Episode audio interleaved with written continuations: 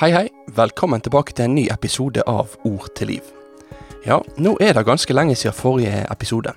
Men det har vært noen måneder for min del preg av barnefødsel og en del ferie og sånt. Så da har jeg tenkt at jeg har villet prioritert å bruke tid på mor og på barn. Jeg har fått opplevd da nå å bli far for første gang i livet mitt. Og fått møtt denne dattera som Camilla har båret rundt på i ni måneder. Og det har vært utfordrende, men framfor alt veldig gledelig og fått blitt eh, bedre kjent med Vetle Amalie. Når jeg da nå skal tilbake til å lage nye podkaster, så er det sånn at for min del så blir jo min tanke og mitt liv det blir jo prega av det som skjer ellers. Og, og, en av de tingene som jeg har tenkt mye på i det siste, det er dette med Gud som far. Og det kommer da til å være tema for denne podkastserien nå framover. Så få med deg denne episoden, og få med deg episodene framover om du vil lære mer om Gud som far.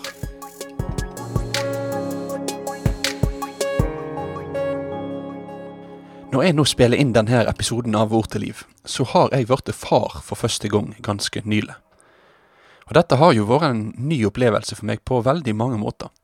Det er jo et sånt paradigmeskifte i livet. Det er et før, og det er et etter.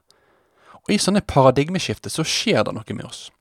Om det er da å bli gift, og da flytte til en ny plass, slutte i et arbeid, eller da å få et barn. Prioriteringene, de endrer seg. Og hverdagen, den vil sannsynligvis aldri igjen bli sånn som han var. For meg så har de ukene etter fødselen vært en periode der jeg har tenkt mye på dette med farskap. For nå er jeg far til ei lita, hjelpeløs jente. Så hvordan kan jeg få være en god far for dette barnet vårt? Hvordan kan jeg på best mulig måte få legge til rette for at hun får et godt liv? Og ikke minst, hvordan kan jeg få være med og bære henne til Jesus, sånn at hun ved trua kan få møte og leve hos sin himmelske far? Det å ha blitt far, det har både ført til at jeg har måttet tenke gjennom hvordan dattera mi vil oppleve å ha meg som far, men det har òg ført til at jeg har tenkt mer på hva det betyr at Gud faktisk er far. I kristen tru så er beskrivelsen av Gud som far helt sentral. Bibelen bruker mange ulike metaforer for oss om Gud når det gjelder hvordan han relaterer seg til skaperverket generelt, og til sitt folk spesielt. Men få begrep blir brukt så ofte som at Gud er far. Jeg har brukt litt ulike sånne søkeverktøy for å undersøke dette litt nærmere, og da har jeg kommet fram til at det er til sammen rundt 119 tekster i Bibelens 66 bøker som omtaler Gud som far. Det er de tekstene som omtaler dette direkte, men i tillegg så kommer alle de tekstene der saken med farskap og det å være Guds barn er framme, selv om ordparet far-barn ikke blir brukt. Poenget mitt er det er liten tvil om at dette med at Gud er far, det er et sentralt bibelsk tema som går som en rød tråd gjennom hele Skrifta. I denne serien framover så kommer vi nå til å rette vårt blikk mot noen av disse 119 tekstene. Men i denne første episoden så vil jeg gi to årsaker til at jeg gjerne ønsker å bruke litt tid på akkurat denne tematikken i tida framover. Den første årsaken den er først og fremst retta mot oss som er jordiske fedre. Men den andre årsaken, den har med oss alle sammen å gjøre, uavhengig av vi er menn, kvinner, unge eller gamle, single eller gifte, barnrike eller barnløse. Så dette her er ikke en episode eller en serie som kun er for deg som er småbarnsfar. Nei, mitt ønske er at uansett hvor du er i livet, og hva dine ansvarsområder og kall er, så kan dette få være en serie som du ser at er for deg.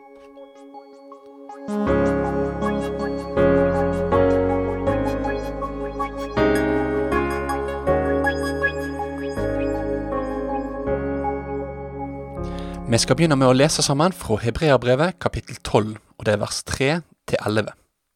Dette er en tekst som jeg kommer til å komme tilbake til seinere i denne serien, fordi hovedsaken i disse versene det er noe som jeg ikke kommer til å fokusere så mye på akkurat nå.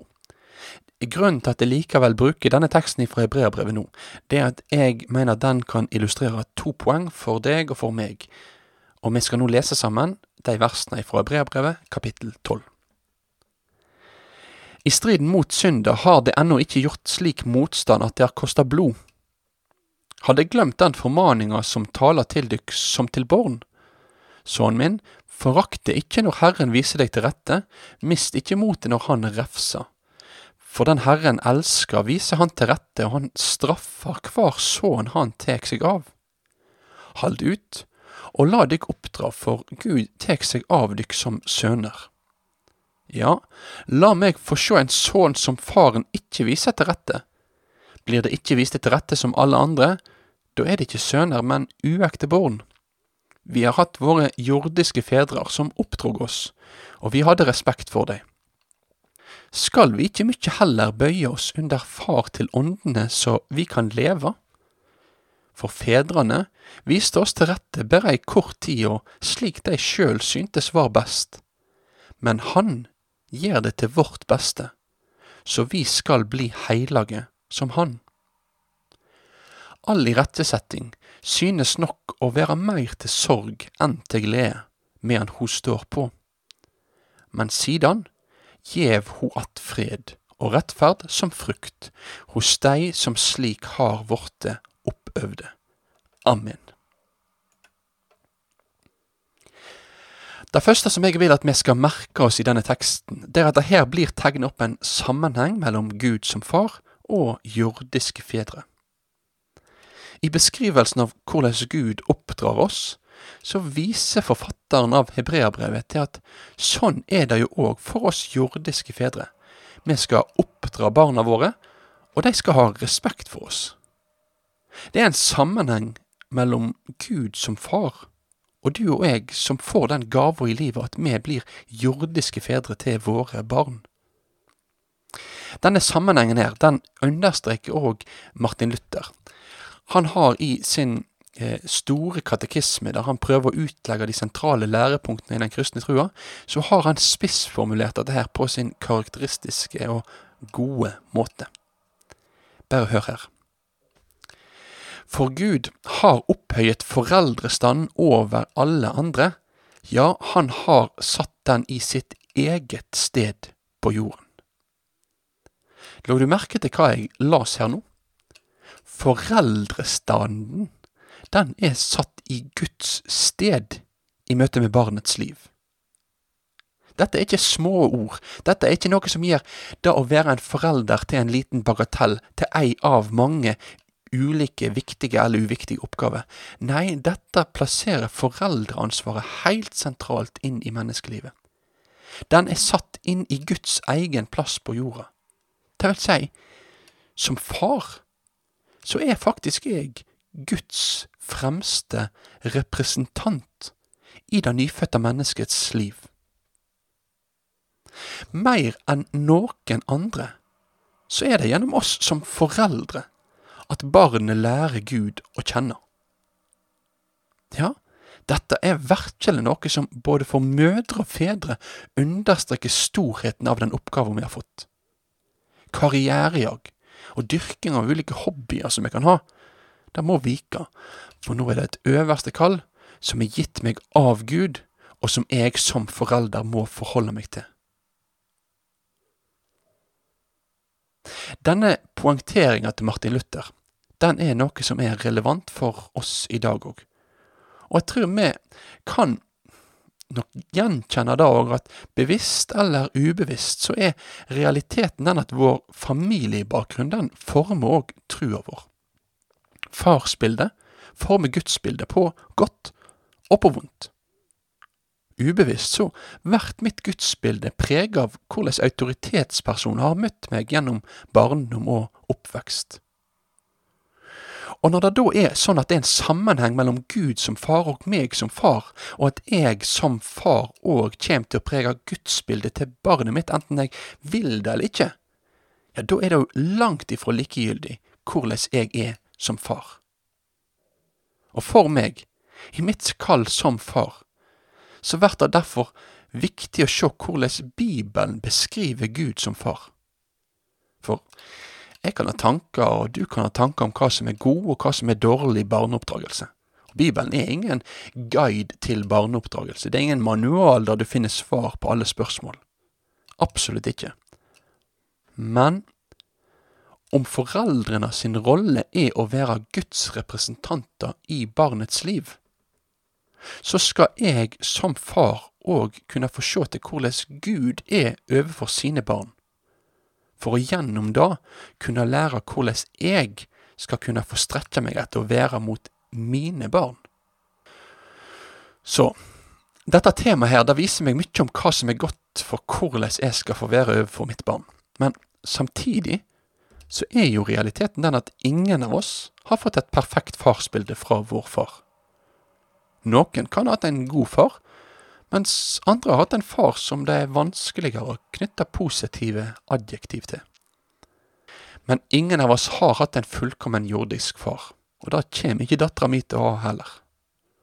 Fordi farsbildet i så stor grad ubevisst preger vårt gudsbilde, så må vi alle sammen la vår gudsbilde bli kalibrert ut ifra hva Bibelen sjøl sier om Gud som far.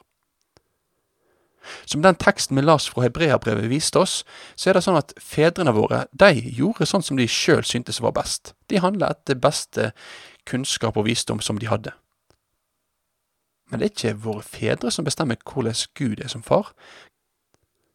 Min opplevelse er at det i kristne sammenhenger kan være ganske vanlig at vi snakker om Gud som far. Ja, det kan nå bli henvist til ting som Guds farshjerte. Men jeg opplever av og til at det i liten grad blir tatt tid til å trenge ned i hva Bibelen faktisk sier om Gud som far. Og da kan vi ende opp med at vår forståelse av Gud som far enten blir formet av sånn som vår jordiske far har vært mot oss, eller eventuelt hvordan vi skulle ønske at vår jordiske far var mot oss. Derfor så vil jeg at vi nå i denne serien skal trenge inn i noen av disse 119 tekstene om Guds farskap i Bibelen. Alt kan ikke bli sagt, men jeg håper å få fram en del av Bibels særegenheter med omtalen av Gud som far. For når vi blar gjennom Bibelens store historie og ser hvordan Gud stiger fram som far for oss gjennom disse tekstene, så er det et rikt bilde som blir presentert for oss. Våre ord de kan lett bli så blodfattige, så grå, når vi ikke fyller de med innhold. Men når vi ser hvordan tekst etter tekst løfter fram ulike sider ved Gud som far, og hva implikasjoner det har for de som er hans barn, så får bildet av Gud farger for oss. Det ble alt annet enn grått. Kjærligheten, omsorgen og den inderlige medfølelsen han har, den ble malt opp for oss. Og da blir òg hans makt, hans ære og hans oppdragelse.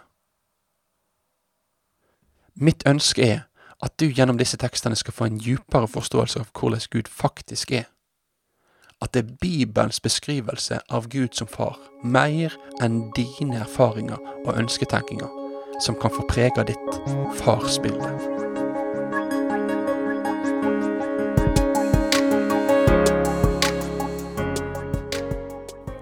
Da sier jeg tusen takk for at du har fått med deg denne episoden av Ord til liv. Serien om Gud som far den fortsetter neste uke med nye episoder, så det er bare å følge med framover. Nå er det ny høst, så tips gjerne òg andre om Ord til liv, sånn at enda flere kan få høre denne podkasten. Ha en god dag videre.